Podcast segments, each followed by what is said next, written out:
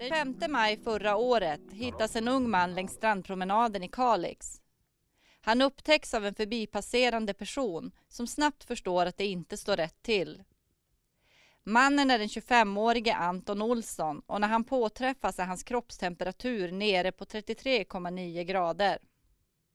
Det ska visa sig att han har 70 enskilda skador på över 50 olika delar av kroppen. Det här är Brottsplats Norrbotten, en podd om brotten som har skakat vårt län.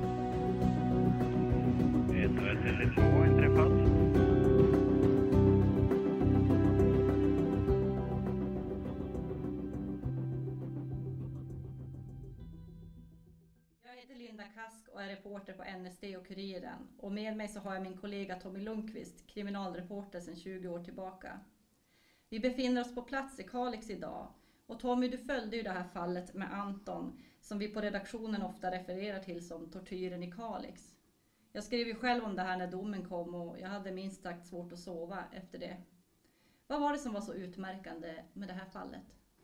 Det, var, det är ju framför allt att det här är en, en väldigt, väldigt eh, våldsam historia. Som eh, dessutom pågick under eh, drygt nio timmar. Och jag vet att både utredare, åklagare och folk, personer runt omkring den här händelsen upplever den som synnerligen vidrig. Till och med domstolen skriver om att det finns sadistiska inslag i den här ja, Det här var egentligen alltså en nio timmar lång tortyr som Anton utsattes för. Ja, och, och jag skulle vilja beskriva det här som en katt och råtta-lek mellan två personer gentemot Anton. Mm. Och du har även intervjuat Antons mamma vid något tillfälle. Det har vi gjort. Eh, så vi har ju i artikel mm, i, i tidningar, då, NSD och Kuriren, beskrivit det lite mer från ett anhörigperspektiv så att säga. Och, och bara det är, förstår ju folk är väldigt jobbigt. Mm. Anton kämpar idag för att komma tillbaka till ett normalt liv. Och han finns med oss här nu tillsammans med sitt målsägarbiträde, advokat Frida Larsson. Det har gått ett år sedan den här helt ofattbara händelsen som höll på att kosta dig livet. Har du kunnat bearbeta det här på något sätt? Jo, jag har inte haft så mycket val. Uh, jag har pratat med terapeuter. Uh, traumabehandling har jag varit på. Så är det mycket prata med mig själv på kvällarna när jag försöker sova. Mm. Har du några fysiska men efter det som du utsattes för? Jag har. Uh. De här två männen då som var 19 och 21 år gamla vid det här tillfället. Eh, vad hade du för relation till dem? Uh, eh, 19-åringen hade jag träffat en gång, pratat med honom snabbt. Han verkade trevlig. Uh, 21-åringen, han hade varit vän med i ungefär sex månader. Trodde jag hade varit vän med honom. Uh, du betraktade det som att ni var vänner? Jag trodde det just då, men sen nu när jag har slutat med droger och det går bättre på det sättet så förstår jag att det är inte vänskap. Det var mera droger inblandat än prata om livet och drömmar och förhoppningar. För det här utspelade sig då i en villa i ett vanligt bostadsområde i Kalix. Mm. Eh, Tommy, om du skulle beskriva lite grann vad som, som hände här utifrån den information som, som du har fått genom att ta del av utredning och eh, det var väl eh, Anton, om jag rättar mig om jag har fel, att ni hade tillgång till en villa. Eh, för att villaägarna var ju då på semester. Och ni hade väl beslutat er för att vara här och ha en liten fest om jag har förstått det rätt? Jo de sa dagen före, eller kvällen före att de skulle ha fest. Så jag kollade om jag kunde sova över. Det kunde jag. Och eh, jag hade tagit droger kvällen innan. Uh, så jag kunde inte sova. Jag kommer ihåg när hans föräldrar som ägde villan kom in i hans rum och sa att nu får vi på semester. Var försiktiga. Gör inget dumt, tror jag de sa. Något i den stilen. Och så for de. Mm. Har du någon tidsaspekt där från när de for tills eh, våldet började så att säga? Fem, sex, sju timmar. Mm. Ja. Ni, ni vaknade, eller du kanske då inte somnade alls? Jag somnade. Nej. 21-åringen for ifrån huset för att hämta 19-åringen och han frågade om jag ville komma med. Han sa nej, jag känner att jag kan äntligen somna. Så jag ligger kvar i sängen. Eh, när han går, två, tre minuter efter det kommer tjejerna till huset. Kände Och du de här tjejerna? Jag kände två av dem. Eh, men sen då så sa jag, äh, jag måste sova. Och jag lägger mig, jag lägger huvudet på kudden och jag börjar somna in och då kommer 21-åringen och 19-åringen hem. 21-åringen stannar nere i köket och 19-åringen kommer upp och går fram till mig och frågar, är det du som är Anton? Och jag säger jo. Och nästan utan förvarning kommer det första smäll. Du fick ett slag, alltså helt oprovocerat. Ja, Vart, vart då någonstans? tror att det var i ansikte. Jag kommer inte ihåg. Kände du någonstans i det skedet att eh, de hade kommit överens om att göra dig illa? Inte just då. Inte i den sekunden. Då tänkte jag att han är arg på mig för någonting annat. Någonting som jag kanske kan resonera med honom om jag tar reda på vad det är. Varför han är arg, varför han slår mig. Så jag försöker det. Det funkar inte så bra. Du funderade aldrig på att slå tillbaka? Nej. Varför inte? Mm. Jag kan rationalisera det och säga nu i efterhand att jag hade inte sovit någonting, jag hade inte ätit, jag hade inte druckit. Men jag tror att det bara var att jag var förlamad av rädsla just då. Eh, han pratar med, han säger saker som du, han säger åt mig vid något tillfälle, jag kommer inte ihåg när, men han säger åt mig, du kommer inte att dö idag, men du kommer att få stryk. I vilket skede kommer eh, 21-åringen i rummet? Jag tror inte ens att jag märkte när han kom in i rummet. Jag var tunnelseende. Mm. När jag inser att de har planerat det. Det är när 19-åringen 21-åringen har precis gett mig en rundspark i bröstkorgen och ett slag i huvudet. Och jag ligger på marken på alla fyra. Och 19-åringen går fram till sin väska och plockar upp den. Väldigt olycksbådande. Han håller väskan, håller väskan så, tar en blyjärn i den och släpper väskan. Och jag bara ser den trolla fram som ur ingenstans. Mm, då insåg jag att det här äh, är någonting som de har planerat, i alla fall sen igår kväll. Äh, men han lindar in brynjärnet i silvertejp. Och fortsätter att slå mig med den. I, inte i bakhuvudet dock. Men nästan överallt annars. Eh, Och 21-åringen, han tycker att det är roligt. På, vilket, på vilket sätt märker du att han tycker det är kul? Han skrattar. Inte överdrivet mycket men han, hon ler, fnittrar, stampar som runt. som... när man är väldigt uppspelt.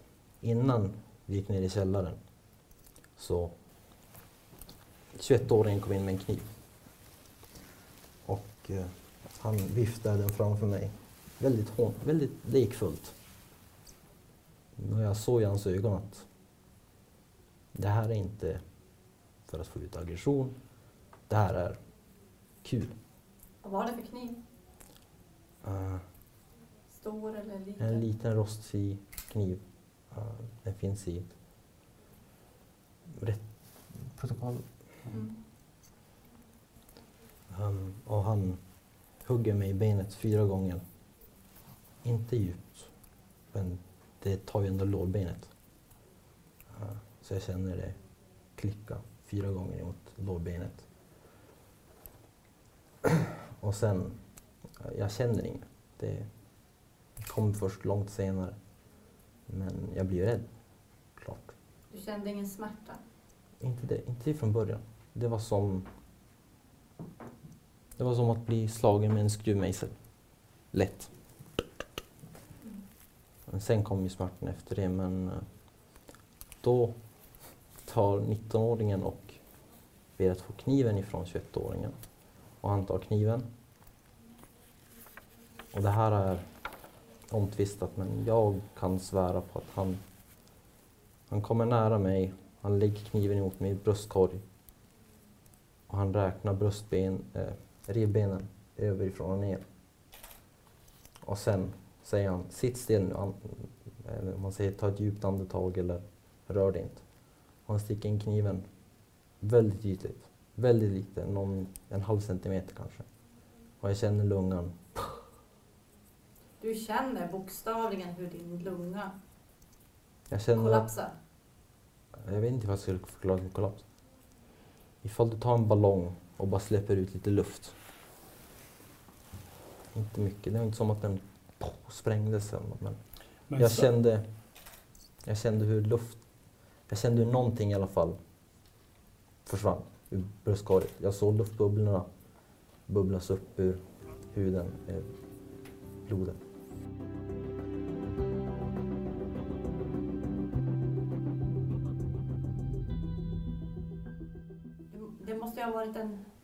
Fasansfull känsla det där, för du förstod ju någonstans att, att din lunga var skadad i det här läget.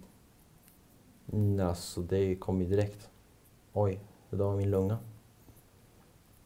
Ja. Hur var det med andningen din? Kände du att den blev påverkad? Den blev kämpig. Ja, inte...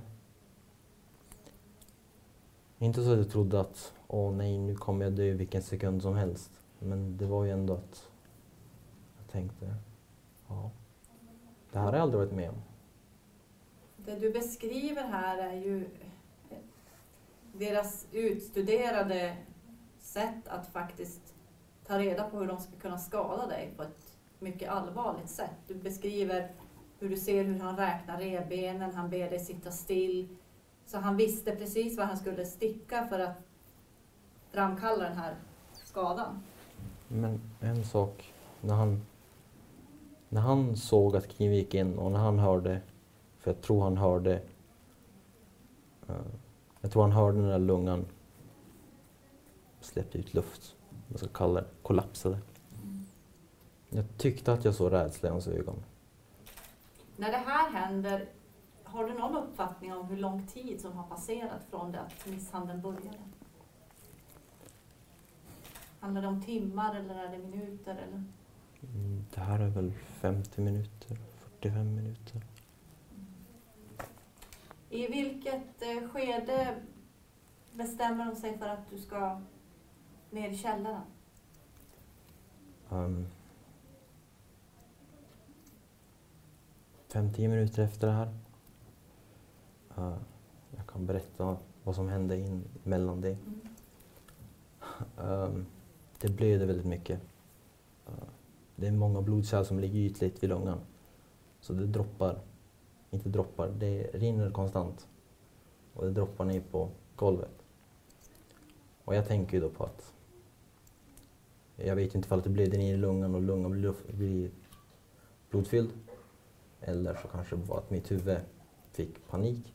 Men jag sa, ni måste ju stoppa blödningen. De ger mig en pappersrulle. Jag sätter den mot bröstkorgen. Jag förstår att det inte kommer göra något. Eh, kommer inte ihåg om det var jag som sa att ni måste bränna igen det där. Eh. Tror det var jag, men jag är inte säker.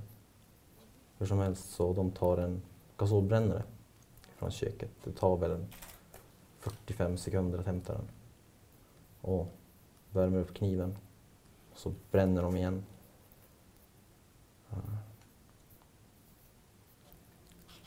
Men det var jag med på för att jag, vet inte, jag tänkte väl att lungan kommer läka sig ifall att det slutar blöda men det gjorde det inte.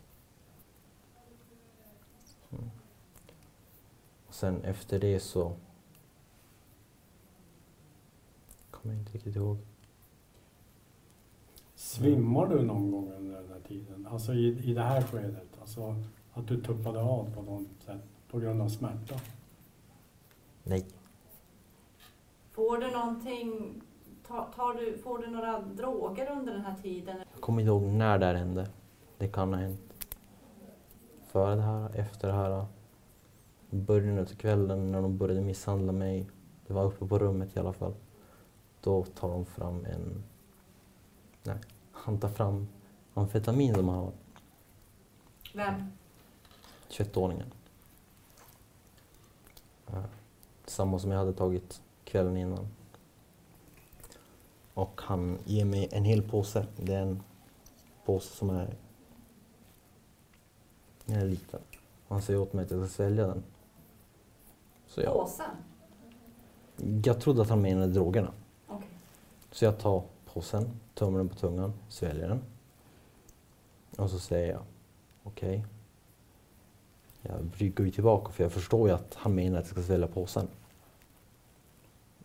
Spelar dum tänker att ja, men kanske jag inte behöver göra det. Nej, så jag ska svälja påsen.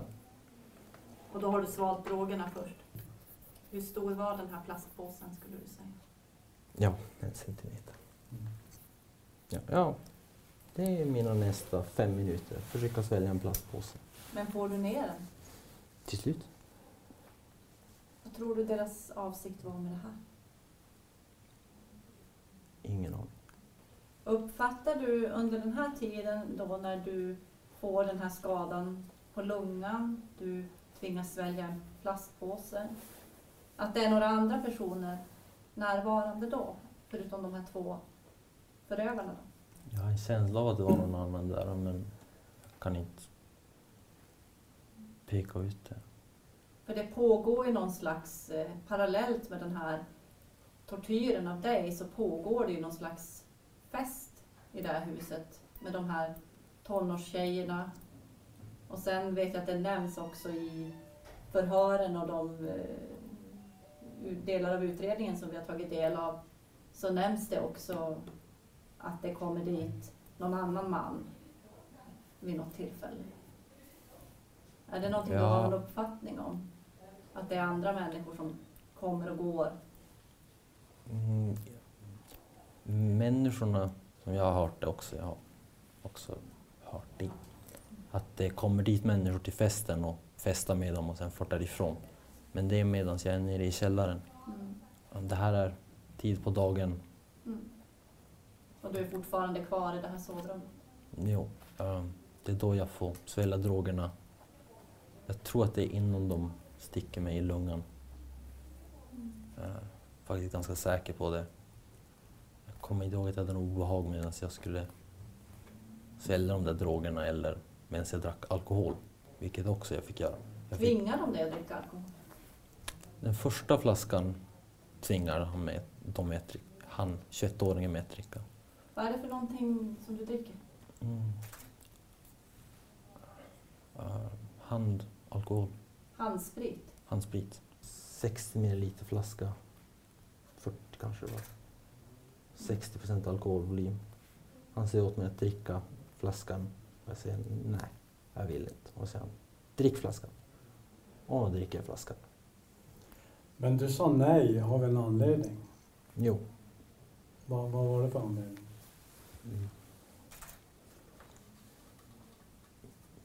Jag, jag ville, du du, du jag ville vill, inte vill, dricka spriten? jag ville inte det för att jag tänkte att jag kanske vill ha kontroll över vad jag gör om, de, om jag hamnar i vatten till exempel. Om jag... Det finns många anledningar till varför man inte vill ha alkohol i sig när man är i en stressig och farlig situation. Men en andra gång så tänkte jag, ja, jag har inte så mycket val i den här situationen.